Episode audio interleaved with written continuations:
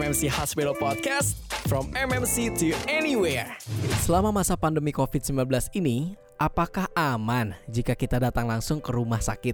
Apa saja sih protokol kesehatan dan pencegahan yang dilakukan rumah sakit untuk menjaga keamanan dan keselamatan pasien selama masa pandemi COVID-19?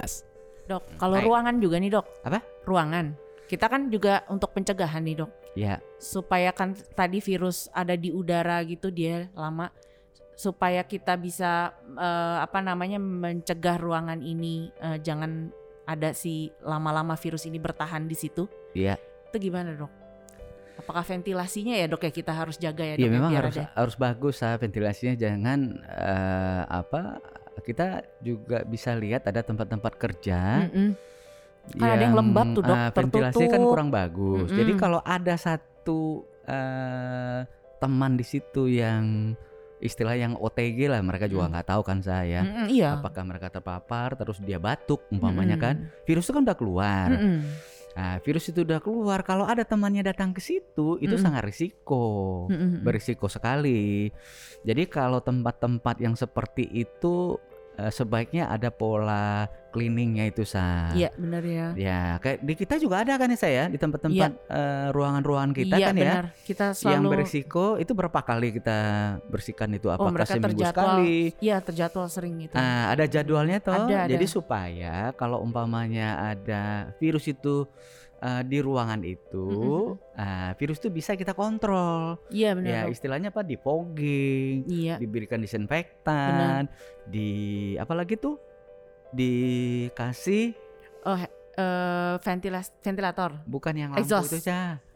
Lampu sinar lampu itu. Oh UV. Ah, tetapi saya ingat Mm-mm. UV itu sebetulnya memang bagus ya. Mm-mm. Tapi eh, belum banyak sih literatur mengatakan bahwa UV itu bisa membunuh virus itu. Itu masalahnya. Oke. Tetapi kalau untuk kuman tuberkulosis Mm-mm. itu bisa, tapi Oh, butuh waktu beberapa Benar. jam. Oke oke. Nah, butuh waktu beberapa jam itu memang sudah dibuktikan. Mm-mm. Eh, kalau untuk kuman tuberkulosis itu bisa. Mm-mm. Tapi kalau untuk virus corona ini Mm-mm. eh, memang belum ujinya ujinya apa a- belum belum valid gitu. Baik, baik. Tapi usaha untuk eh, mempergunakan UV itu sih bagus. Iya iya. Nah, Untuk tapi apa- mikroorganisme lain Iya. oke lah ya dok. Kan kita tuh masuk masuk kantor kadang-kadang kan ada box itu tuh Iya. lampu tuh. Mm-mm. Nah, kita cuma muter-muter doang. Apa bisa dia membunuh virus itu yang terbawa sama kita? Belum tentu. Mm, mm, mm. Nah, soalnya virus itu kan juga bertahan. Mm. Di dia disinari pakai UV. Berapa menit sih kita di dalam kotak itu ya? Eh, Ada dua menit ya muter-muter-muter Iya, gitu aja muter-muter, kan. uh-uh. Nah, UV-nya nyumput di balik rambut Sasa, Iya, di balik kuping. Nggak kena UV-nya. mm, mm, mm. Nah, akhirnya terbawa terus. Nah, jadi eh, apa namanya nih? Semua semua sarana yang bisa mencegah atau mengontrol virus itu di satu tempat Mm. harus kita lakukan. Jadi Oke. kalau umpamanya kayak di poliklinik saya loh, Sa. Iya dok. Di poliklinik saya itu setel, selesai saya praktek Mm-mm. itu kan dipasang HEPA filter, Iya. dipasang eh, tekanan negatif. Benar. Jadi terus ada UV-nya juga.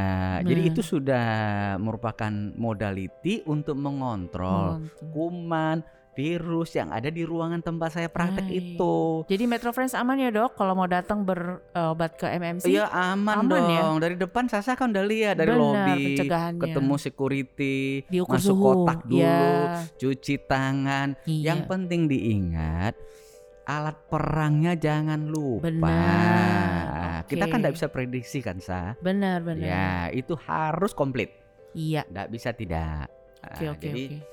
sekarang itu bukan di kantor aja sa. Kita lihat masyarakat kita yang di eh, daerah itu kan ya. Kalau Mm. ke pasar, Mm-mm. nah mereka tuh belum terlalu disiplin pakai maskernya. Belum, saya masih lihat ada yang nggak pakai dok. Eh, makanya, jadi memang ini tanggung jawab kita ya sa. iya benar. supaya uh, penularan virus ini tidak bertambah-tambah lagi, Mm-mm.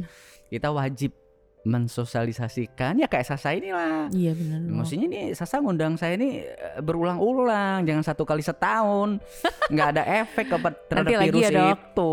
Nanti lagi ya dok Iya. untuk tema yang berikut jadinya Iya. biar biar masih kita banyak lagi nih yang harus kita bicarakan. terus mempromosikan kesehatan ya dok. Iya, karena ini memang eh, yang harus kita ketahui juga eh, dengan suasana sekarang ini bukan hanya faktor virus aja. Iya. Dampak-dampaknya besar kan, Sa? Ba- besar besar Nah, sekali. Ada yang Banyak usaha yang gulung tikar gara-gara covid iya. dok. Ah, itu gimana tuh? Waduh. Ah, kita harus hati-hati Iya.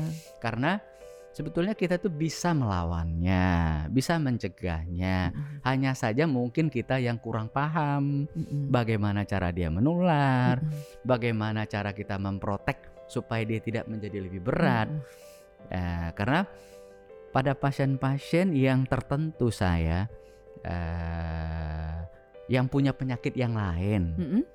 nah misalnya dia punya Oh, histori pemberat ya, Dok. diabetes, Mm-mm. punya histori penyakit jantung, benar. penyakit ginjal, Mm-mm. ataupun dulunya ada problem di paru-parunya, Mm-mm. itu memang berisiko. Iya iya. Jadi keluarga-keluarga kita, masyarakat-masyarakat kita yang mempunyai kondisi seperti itu, Mm-mm.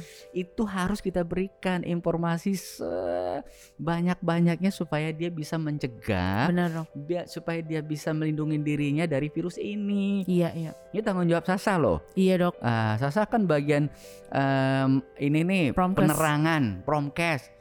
Nah, kita berikan sebanyak-banyaknya untuk masyarakat, biar masyarakat bisa melindungi dirinya sendiri. Baik dok. Iya. Amin. Mudah-mudahan ya dok. Ya, Bersama kita mencegah virus ya dok. ya. Oke, terima kasih Dokter Ade Iya, atas Sasa. eh, waktunya. Nanti kita akan mengadakan sesi-sesi yang lain bersama Dokter Ade untuk Iya. membicarakan topik yang lain. Metro Friends, MMC Hospital Podcast ini adalah bagian dari promosi kesehatan dari Rumah Sakit MMC. Eh, nah, Metro Friends itu tadi obrolan seru seputar adaptasi kebiasaan baru dan update COVID-19 bareng Dr. Afiar Syah Abidin. Buat Metro Friends yang penasaran tentang update informasi kesehatan bisa langsung cek di metrohealthmmc.com. Dan jika Metro Friends juga ingin berkonsultasi dengan Dr. Afiar Syah, bisa langsung datang ke MMC Hospital. Setiap hari apa dok? Eh, tiap hari sa, Oh, saya kan iya. full time di MMC. Kalau full time, absen jam setengah delapan, pulang setengah lima. Oke Jadi dok. hadir tiap hari Ada untuk masyarakat, untuk Metro Wah, Friends hebat MMC sekali. Hospital. Terpenting ikuti terus MMC Hospital Podcast di episode selanjutnya. So stay tuned and stay healthy. Bye Metro Friends. Bye. Itu dia MMC Hospital Podcast episode ketiga. Semoga informasinya bermanfaat ya. Jangan lupa, kalau kamu punya keluhan tentang kesehatan, langsung aja datang ke MMC Hospital. Untuk kamu juga yang penasaran dengan topik lainnya, dengerin terus ya MMC Hospital Podcast episode berikutnya. MMC Hospital Podcast, from MMC to anywhere. Bye.